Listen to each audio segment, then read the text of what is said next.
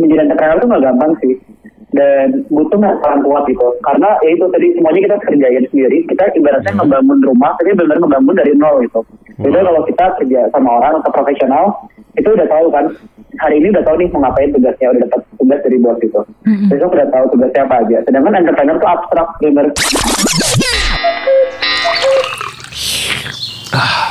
Ngopi yuk, ngobrolin profesi. Hai teman Del, ketemu lagi nih di podcast Radio Del FM di segmen Ngopi Yuk, Ngobrolin Profesi Yuk. Nah, gimana nih kabar kamu? Kita ketemu lagi bareng aku Riri. Dan aku Kirby Jackson Simanjuntak teman Del Dan untuk kali ini teman Del Kita bakalan ngobrol dengan profesi yang udah populer dong di zaman Populer sekarang dan diminatin sama banyak orang pastinya ya kan? Iya, dan teman Del kita bakalan ngobrol bareng dengan seorang entrepreneur yaitu Tommy Surya Teja teman Del. Nah, dan kamu tahu selain ngomongin bidang atau dunia Hmm. usaha, kita juga nanti bakalan ngobrolin eh, si Mas Tommy sebagai seorang content creator tuh yang banyak ngebahas metaverse yang lagi booming sekarang, iya nggak Benar sih? banget. Aduh, Ri, aku juga pengen cobain gitu. Katanya sih itu benar-benar real banget. Kita kayak masuk ke dunia yang berbeda, Berbeda ya, Ri, ya. gitu Wow. ya. Nah, jadi langsung aja kita sapa ada Mas Tommy. Hai, selamat sore Mas. Hai, selamat sore Mas Tommy.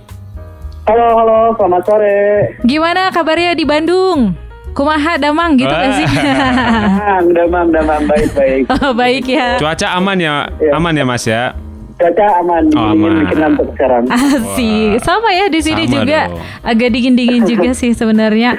Oh iya Mas, Iya. kita eh, pengen tanya-tanya sesuatu yang lagi booming apalagi di awal 2022 kemarin ya. Iya benar banget. Metaverse, gitu. Metaverse. Nah ini kan Oh. ada banyak kemarin orang yang jadi kayak pasang foto sembarangan lah di OpenSea bahkan juga kayak upload eh, atau jual KTP. Ada KTP, Iya. terus alat-alat masak. Wah, Nah, banyak ya. banyak. Kalau tanggapan Mas sendiri itu gimana sih sama eh, mereka-mereka itu gitu? Oke, ha. jadi kan eh, ini kalau menurut pendapat saya ya, sebenarnya dunia metaverse NFT ini suatu, suatu hal yang baru, baru banget masuk Indo ya. Mm-mm. Bahkan kalau di luar negeri pun mungkin trennya itu pun terbilang baru, kayak paling setahun dua tahun gitu. Nah, kalau yang saya lihat, karena masyarakat Indonesia ini dan mungkin kebanyakan orang dan saya pun kadang-kadang juga sama gitu ya, kita tuh latah, kita latah suka ngikutin tren yang eh, lagi booming apa, terutama kalau berhubungan dengan cuan gitu kan. Bener. Um, NFT ini kan kalau saya lihat kenapa orang jadi pada ngupload foto-foto mereka masukin ke OpenSea itu karena uh, salah satu figur kemarin ada Gozali yang berhasil ngedapetin cuan gede banget kan dari Iya, ngupload iya, foto iya. selfie dia ke OpenSea dan semua orang tuh jadi pengen gitu. Mm-mm. Ya seperti kita tahu uh, orang-orang mendengar kata cuan terus dalam, dalam waktu singkat mereka pasti tergoda dong. Bener. Bahkan mungkin kayak kita juga kadang-kadang tergoda dan kita langsung pengen ikutan Pengen coba cobain gitu tanpa- ya. Ya, tapi tanpa um, cari tahu lebih lanjut gitu. Ini tuh sebenarnya apa sih? Nah, yang saya lihat itu emang uh, mungkin kalau dari kita ini emang kurangnya edukasi sih sebenarnya, kurangnya edukasi Mm-mm. bahwa sebenarnya NFT itu kegunaannya bukan seperti kayak kita jualan di marketplace gitu. Hmm. Kayak kita jualan di marketplace, upload foto, berharap ada yang beli. Uh, itu beda banget ya konsepnya. Mm-mm. Jadi mungkin kayak orang-orang itu melihat oh ini bisa dapat cuan, mereka semua langsung ikutan tanpa tahu ini tuh sebenarnya kayak kayak gimana sih uh, cara kerjanya. Kalau cara tuh kayak gitu sebenarnya. Bener ya, memang kita masih kurang edukasi ya mas. Makanya kayak Iya. misalnya ada kayak eh, mas sebagai content creator akhirnya buat konten tentang metaverse gitu ya mas ya. Iya. Betul. Iya, jadi kalau saya, apalagi kan em, sekarang tuh kalau saya lihat ya kayak era teknologi tuh sekarang berkembang bukan cepat lagi, tapi benar-benar eksponensial banget gitu kan. Apalagi semenjak pandemi kan semua bentar lagi 5G udah mau masuk juga ke Indonesia Benar. dan benar-benar berkembang sangat cepat gitu. Mm-mm. Wow. Uh, tapi menurut saya tuh orang kurang uh, mencari tahu gitu kayak mereka cuma ngelihat dari luarnya doang lihat kulitnya doang dan kebanyakan karena latah aja gitu latah ikut ikut ikutan dan akhirnya mereka langsung coba tanpa cari tahu lebih lanjut ini tuh seperti apa gitu sebenarnya Bener. Ikutan tanpa Memang riset itu bahaya. Benar banget karena kita terkenal juga ya Ri kalau Indonesia itu keponya tinggi banget Benar. ya. Ingin tahunya tinggi banget. Benar. Betul, betul, betul. Ya, dan betul. dan Mas Te- eh, Mas Tommy kita mau eh, pengen tahu nih pengalaman Mas Tommy nih. Kemarin kan Ya. sempat bikin meeting ya virtual pertama di Metaverse ya. ya Nah, boleh diceritain nggak pengalamannya? Kita pengen ya bisa setidaknya kita bisa tahu ya Ri pengalamannya seperti apa. Siapa tahu punya pengalaman seru nih, Mas. Oke itu emang kemarin kita sempat berapa kali sih udah ada tiga kali kalau nggak salah Uh, Oh. kita ngadain web- webinar Oke. Cuma awalnya kita meeting sama teman-teman dulu. Udah gitu, Oke. oh ternyata seru juga nih. Terus kita pikir, cobain deh kita ngadain webinar. Kebetulan kan em, kita ada platform edukasi juga nih yang eh, namanya Zando yang mengadakan webinar. Nah kemarin kita cobain bikin webinar buat orang umum, eh, buat publik kita buka di Metaverse gitu. Hmm. Jadi kalau saya lihat sebenarnya metaverse ini adalah suatu bisa dibilang suatu teknologi dunia yang bakal uh, menggantikan era internet zaman sekarang. Ke depannya Wow. itu benar-benar kita lebih bisa dibilang kita masuk ke dalam era experience gitu. Kan kalau kita lihat sekarang kita online tapi kita sebatas melihat lewat perangkat gadget sosial media, Mm-mm. lewat handphone, lewat komputer. Nah Benar. nanti ketika era metaverse itu datang, kalau saya lihat ini kayak kalau saya prediksi orang tuh bisa benar-benar merasakan gitu virtual experience itu kayak gimana. Wow. Karena kita uh, di metaverse itu kita masuk ke dunia virtual. Jadi kita uh, pakai alat. Kalau saya kemarin pakai alatnya Oculus namanya, uh, keluaran dari um, Facebook. Kayak kacamata gitu, dipakai ke kita pakai.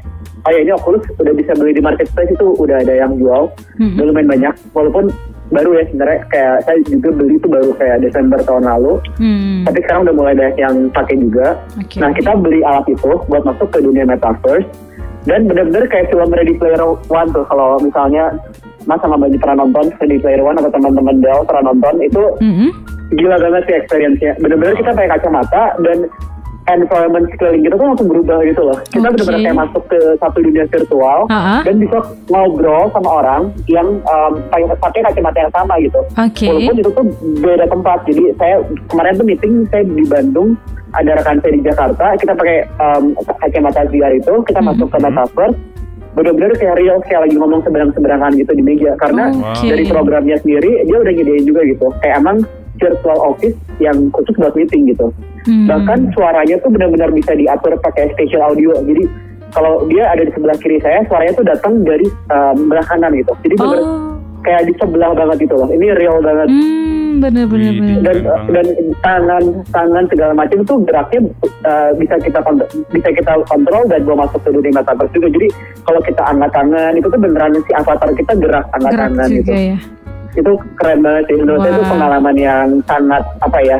uh, uh, Luar biasa, luar biasa, gitu ya. luar biasa dan agak serem juga sih. Ha-ha. Takutnya nanti lama-lama ketagihan kita nggak keluar nggak beranjak dari tempat duduk. Waduh, Benar apa-apa bisa juga. udah kayak meeting sama seorang jalan-jalan di dunia virtual. Hmm. Ada seremnya juga sih sebenarnya.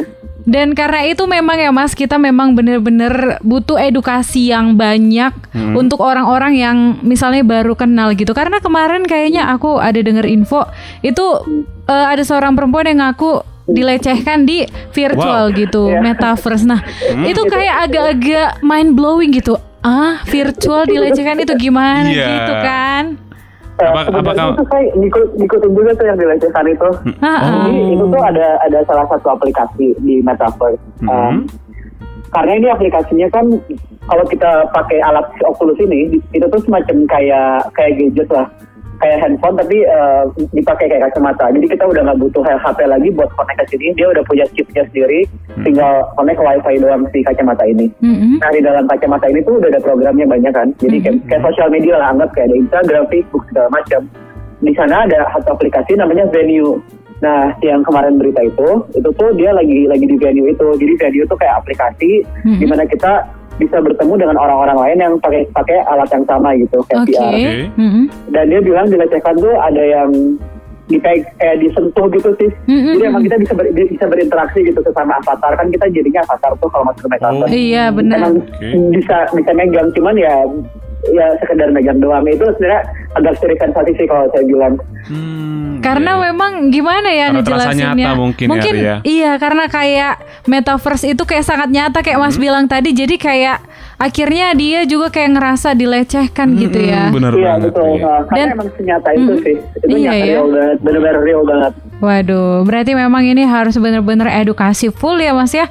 Eh, bahaya juga kan kalau misalnya ada kriminal gitu di metaverse. Iya. Berarti polisinya juga harus masuk ke Harus ini masuk juga, juga, harus- gitu ya. harus masuk ke metaverse Agak-agak juga. gimana gitu ya membayangkannya Pokoknya- Mas. itu udah kalau yang, kita yang yang, Hmm? yang paling bahaya itu kalau menurut saya adalah ketika identitas kita dicuri oleh orang lain Wow. karena begitu masuk metaverse kita bisa jadi siapa aja itu serem banget. Wih, Wah. benar benar benar benar.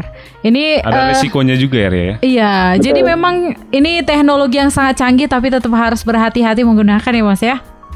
Ya, Nah, jadi sekarang kita mau lanjut lagi ini ngomong profesi yang sesungguhnya Hmm? Iya gitu ya tuh entrepreneur. Nah, jadi Mas, ini sejak kapan Iya. sih Mas memilih eh, usaha ini ya yaitu eh, bidang sustainable fashion gitu?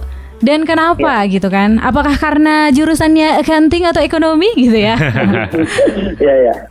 Eh, jadi kita mulai bisnis di bidang sustainable fashion itu di tahun 2016 Mhm. dan kalau ditanya kenapa karena uh, kita ngelihat peluang emang salah satu terbesar uh, bisnis industri terbesar di Indonesia adalah uh, pakaian kan Oke. Dan emang tekstil itu salah satu yang terbesar gitu apalagi di Bandung kan emang kita sebagai apa ya banyak banget kayak supplier para tekstil kan dari Bandung Mhm. Nah, cuman mungkin pertanyaannya kenapa sustainable yang kita pilih gitu? Karena kita melihat uh, emang waktu 2016 ini belum mungkin belum populer ya yang namanya organik, hidup sehat, green lifestyle tuh nggak ada. Oke. Cuman sebe- sebenarnya ketika uh, ketika saya, uh, kita mulai, tuh sempat riset juga sih ke lihat tren di luar, terutama tren di luar karena kalau tren dari luar itu biasanya bakal masuk ke Indo dia telat kayak 3 sampai 5 tahun itu telat. Nah, saya lihat-lihat ternyata di luar itu uh, udah banyak udah tahun 2016 tuh di luar udah hot banget tuh gerakan green lifestyle, terus um, sustainable movement, pokoknya berhubungan dengan lingkungan dan um, pelestarian gitu. Terus saya pikir kayak di Indonesia kalau kita pengen jualan kain, karena kebetulan emang um, kita background family juga ada bergerak di bidang tekstil, Oke. Cuman memang waktu itu belum fokus ke sustainable. Nah, ketika kita lihat-lihat nih, ternyata yang jualan sustainable di bidang tekstil tuh masih sangat sedikit, apalagi yang bergerak di bidang online. Nah, saya ngelihat tuh ada opportunity di sana. Akhirnya yaudah kita cobain jadi menggabungin uh, gr- tren green ini yang di luar hopefully bakal masuk ke Indo Mhm. dan um, background yang emang uh, keluarga ada dari tekstil juga gitu. Terus Oh. ke- kenapa online? Emang uh, uh, pada dasarnya saya orangnya tipe malas sih yang tipe malas jualan offline yang nawar-nawarin Oh. gitu Maka- makanya karena saya malas ya udah coba kita jualannya online, aja Online. di website lewat sosial media seperti itu Oh, berarti ini eh, ini usahanya online ya, Mas ya? kita 99% online Oh, aku jadi penasaran, siapa Penasaran. tahu nih kita juga suatu saat ada ini ya kan Kirby kesempatan coba kayak cari cuan jadi gitu? eh, eh, usaha gitu ya kan. Misalnya kalau dulu nih 2016 Mas Tommy kayak mulai usahanya tuh modalnya berapa atau kayak apa aja sih modalnya Oke. gitu Mas? Oke, jadi pertama kali banget itu uh, kita nggak langsung bikin website. Kita kita mulai dari sosial media, dari Instagram. Di mana waktu 2016 itu Instagram tuh dipakai bukan buat jualan, tapi emang uh, mungkin kalau Mbak atau Mas saya ingat 2016 itu kan orang-orang masih pada foto-foto ya, terutama lagi Mbak saya ingat tuh lagi pada food blogger orang-orang nge makanan, Mhm. foto-foto makanan gitu kan. Cuman saya ngelihat emang kalau balik lagi sih kalau saya uh, mulai uh, bikin foto bisnis biasanya saya ngelihat tren trennya dari luar gitu di luar negeri itu udah lumayan banyak orang-orang jualan uh, lewat sosial media gitu. Ada brand-brand yang mereka pasang uh, di sosial media. Ah, akhirnya kita ikutin juga. Kayak udah kita coba ikutin jualan lewat sosial media. Jadi modal awal tuh benar-benar kita modal fotografer sih. Karena, Oke. karena kebetulan saya nggak bisa, bisa foto. Jadi uh, kita outsourcing cari fotografer lebih ke orang yang bisa foto bantuin untuk fotoin produk kita dulu gitu. Mhm. Oke. jadi uh, emang investasi di awal adalah uh, di foto. Karena saya dulu percaya banget kalau kita mau jualan di Instagram foto tuh mesti bagus itu nggak boleh asal foto lewat pakai HP doang jadi emang kita lumayan invest uh, di foto-foto sih asalnya di foto foto-foto foto baru akhirnya kita ngembangin ke website nextnya Oke. Berarti mulai dari itu dulu ya foto. Kalau misalnya tadi ke rupiahnya kayaknya belum terjawab nih Mas. ke rupiah ya Iya. Terus waktu zaman itu tuh uh, kurang lebih kalau karena kan kita kita bikin bisnis nggak langsung gede gitu kan. Kita mulai dari kecil dulu. Jadi kalau kecil tuh kurang lebih tuh di sekitar sepuluhan deh. Saya Oh, 10 ya? kurang lebih 10 uh, 10 jutaan. Karena supplier kita kerjasama jadi uh, jadi gini bisnis model yang saya buat itu adalah kita kerjasama dengan uh, ada partner keluarga juga yang emang dia produksi tekstil. Mhm. nah kita bantu untuk bikin versi online-nya. Jadi kita kita udah udah bikin deal uh, partnership. Uh, kita saya nggak mau langsung beli barangnya uh, mereka. Jadi saya bikin PO. open PO gitu loh. Oke. Open PO Ah. ketika ada penjualan baru saya beli barangnya. Oh. Jadi modalnya pun saya nggak terlalu besar karena Bener, saya cuma bener. butuh modal bikin sosial media dan foto doang gitu Oh. untuk memasarkan produknya mereka itu. Cerdik juga ya mas. Lebih simpel ya. Iya, lebih lebih kecil jadi modalnya. Bener Wow. bener. Nah itu dia teman Del. Em, terus lanjut lagi. Nah, Masih kepo nih soalnya. Aku juga nih. Jadi Mas Tommy kan dari yang Kirby tahu ya Iya. itu kan macam-macam eh, entrepreneur kan lumayan banyak ya yang populer sekarang ya. Iya. Kayak ada kayak food trainer, ada eco trainer dan mungkin lain-lainnya gitu. Yang pastinya kan dari Iya. semua eh, ini eh, macam-macamnya mungkin kan memiliki kesan apa enaknya dan nggak enaknya menjadi seorang entrepreneur nih. Nah, Mas Tommy bisa nggak berbagi ke kita apa eh, enak dan nggak enaknya menjadi seorang entrepreneur? Oke, enak nggak enaknya ya? Mm-mm. Oke, mau yang mana dulu nih? Enak apa nggak enaknya dulu? Ya nggak enaknya aja. enaknya dulu, nggak biar enaknya nanti dulu. menghibur yang Iya. enak ya. Oke, nggak enaknya adalah satu katanya yang paling saya kerasa itu adalah capek. Wow. Capek, oke. Kenapa? Capek. Uh, karena uh, sebagai entrepreneur kan ibaratnya kita semua yang bikin dari nol ya. Kita buka, kita um, kita mengerjakan sesuatu yang abstrak sebenarnya. Bikin uh, jualan barang pun kita awalnya nggak tahu nih harus ke mana langkahnya. Coba-coba dulu trial and error. Hmm. Udah dicoba juga masih belum berhasil kita ganti cara lain. Terus kalau misalnya nggak laku produknya kita ganti strategi dan kita harus cari tahu customer kita tuh siapa, mau strategi marketingnya seperti apa dan uh, ngurus tim juga gitu. Kita harus uh, bikin uh, ngurus tim, bikin SOP segala macam. Itu kalau misalnya kita nggak kuat um, atau misalnya kita nyerah tengah jalan itu sangat sangat sangat mungkin gitu untuk Hmm. uh, nyerah tengah jalan. Terutama kalau kita belum untung gitu kan. Makanya emang menurut saya menjadi entrepreneur itu nggak gampang sih. Dan butuh mental kuat gitu. Karena ya itu tadi semuanya kita kerjain sendiri. Kita ibaratnya ngebangun rumah tapi benar ngebangun dari nol gitu. Jadi kalau kita kerja sama orang atau profesional itu udah tahu kan hari ini udah tahu nih mau ngapain tugasnya udah dapat tugas dari bos itu besok udah tahu tugasnya apa aja. Sedangkan entrepreneur tuh abstrak bener kita gelap itu mau jalan bingung kita mau jalan ke mana nih. Nah kita sebenarnya cobain semuanya cari tahu mana yang paling bergu- paling works buat kita mungkin kita bisa belajar dari orang. Tapi belum tentu ilmu yang kita um, pelajari itu bisa kita terapin buat bisnis kita. Tetap sih kita harus mengulik lagi sendiri. Nah itu butuh emang uh, kegigihan uh, ketekunan fokus dan emang harus mencapai sih. Itu sih enaknya Wow. Ketekunan, fokus dan harus benar-benar mau mencapai ya Mas ya. iya betul. Wow. Nah, kalau misalnya ada nih kayak eh, pengusaha baru atau kayak teman Del yang lagi dengerin kita tuh pengen memulai sebuah usaha. Apa nih saran dari Mas Tommy? Oke, kalau mau mulai usaha nih ya, menurut saya uh, pribadi itu yang uh, pengalaman saya satu sebisa mungkin kalau emang mau mulai zaman sekarang itu pakai online karena ke depannya hampir semua sektor industri, sektor usaha itu bergerak di bidang online terutama marketingnya gitu kan. Oke. Jadi emang harus menguasai banget uh, marketing secara online karena mau apa pun bisnisnya butuh marketing, marketing paling efektif adalah sekarang online.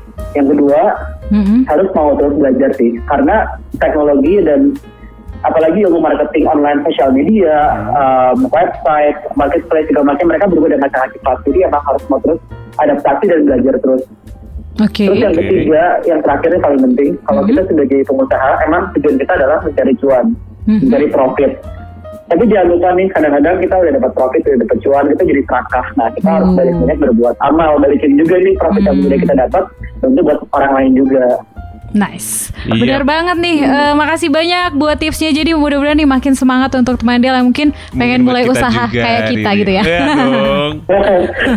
Oh ya Mas Tommy tadi kalau Ri belum deh yang yang enaknya tadi belum Mas Tommy belum cerita. Oke.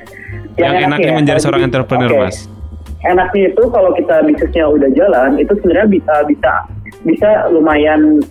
Kalau kita udah bisa bikin ngebangun sistem, Hmm. itu lumayan kita ada flexibility dalam waktu sih. Jadi kayak kita uh, misalnya kita mau liburan atau kita mau datangnya jam berapa itu kalau memang udah berkebentuk sistem itu lebih enak dibandingin kalau kita kerja kan ada jam kerja. Um, terus uh, kalau mau liburan juga mesti izin cuti segala macam. Nah kalau kita udah punya bisnis itu enaknya itu nih kita waktu lebih lebih banyak. Makanya Oke. saya bisa jadi content creator pun uh, biasanya saya ambil uh, sore sore ke sore sore ke malam. Jadi jam 3 jam 4 kalau bisnisnya udah agak santai, um, udah nggak ada yang mau dikerjain, saya langsung bikin konten. Hmm. Wow. Berarti iya gitu sih. sih. Pun- fleksibilitasnya itu lebih enak sebenarnya. Waktunya Bener, lebih luas fleksibel. ya, lebih fleksibel. Terus Iya. kalau enaknya jadi eh, entrepreneur itu sebanyak apa kerja kamu ya sebanyak itu yang kamu dapatkan. Kalau kayak kita pegawai, Hah? sebanyak apa kita kerja gajimu sudah segitu gitu kan. Udah langsung dipatok aja gitu. Bener. Iya, itu Bener, bener. juga sih. Bener Betul. sih. Hmm, wow. Dan yang terakhir nih Mas eh, untuk teman Del yang lagi dengerin kita sekarang yang mungkin masih bingung nentuin aku tujuan hidupnya mau ke mana sih aku mau profesi apa sih. Nah jadi apa pesan Mas untuk teman Del yang lagi cari jati diri nih? Oke, buat semua teman Del nih yang lagi sedang menyati diri, sedang mencari jati diri, kalau pesan dari saya adalah satu harus banyak-banyak explore itu bener banget ya. Jadi kayak cobain semuanya aja, terutama yang usia 20-an atau yang baru lulus kuliah yang bingung mau ngapain itu cobain dulu semuanya. Terbanyak gagalnya dulu. Karena Oke. saya yakin setiap orang tuh punya jatah gagal Jatah sebelum gagal. mereka Oh, sukses. iya. Jadi banyakin gagal deh di usia muda. Cobain semua gagal nggak apa-apa, cobain yang lain lagi, bangkit. Gagal lagi nggak apa, terus coba sampai akhirnya menemukan. Kalau kita nggak pernah nyoba, kita nggak akan pernah tahu kita sukanya ke mana dan passion kita di mana. Setuju, Atau mungkin bagusnya kita ke mana itu nggak akan pernah tahu. Jadi coba sebanyak-banyaknya, abisin jatah gagal kalian. Gitu. Mhm. Siap kalau gitu makasih Wah, banyak Mas Tommy Sarannya keren banget, luar biasa banget ya, Ri. Oke Mas, eh, kalau gitu Ya. makasih banyak Mas udah Ya. share buat kita hari ini. Sukses terus jaga kesehatan ya Mas. Iya, sama-sama. Thank you juga ya. Oke, Oke, thank you Mas. thank you Mas Tommy. Yo. Bye. Bye. Dan itu dia tadi teman Del obrolannya untuk podcast Radio Del FM hari ini. Gimana-gimana? Udah makin semangat yang mungkin pengen buka usaha? Semangat dong teman Del Apalagi tuh banyak banget ya Tadi ya masukannya juga saran dari Mas Tommy ya kan Mudah-mudahan nih teman Del rezeki kamu juga cuan kamu bertambah setelah dengerin podcast kita kali ini Ih, dengerin podcast langsung cuan ya Langsung cuy. Wah, cuan. ini udah kayak apa ya? Maksudnya Ri itu ketika memang mungkin teman Del udah menjalaninya dulu Yes. Terus tiba-tiba semangat Pokoknya semangat eh aja untuk kamu yang mungkin lagi buka usaha ya. Eh, dan sampai ketemu juga nih di minggu depan dengan narasumber kece lainnya dengan profesi yang berbeda. Dan kalau misalnya kamu punya rekomendasi ya yang mau Masih dibicarain boleh ya kan? teman Del Langsung aja di Norway kita di 0811 6219924 Oke deh, kalau gitu sampai ketemu di podcast Radio Delfem berikutnya ya. Aku Riri Manulang. Dan aku Kirby Jackson Simanjuntak teman Del Kita pamit dulu. Bye. Bye. Nyantai di sore hari emang paling pas buat ngopi, ngobrolin profesi. Cuma di Danatoba Show.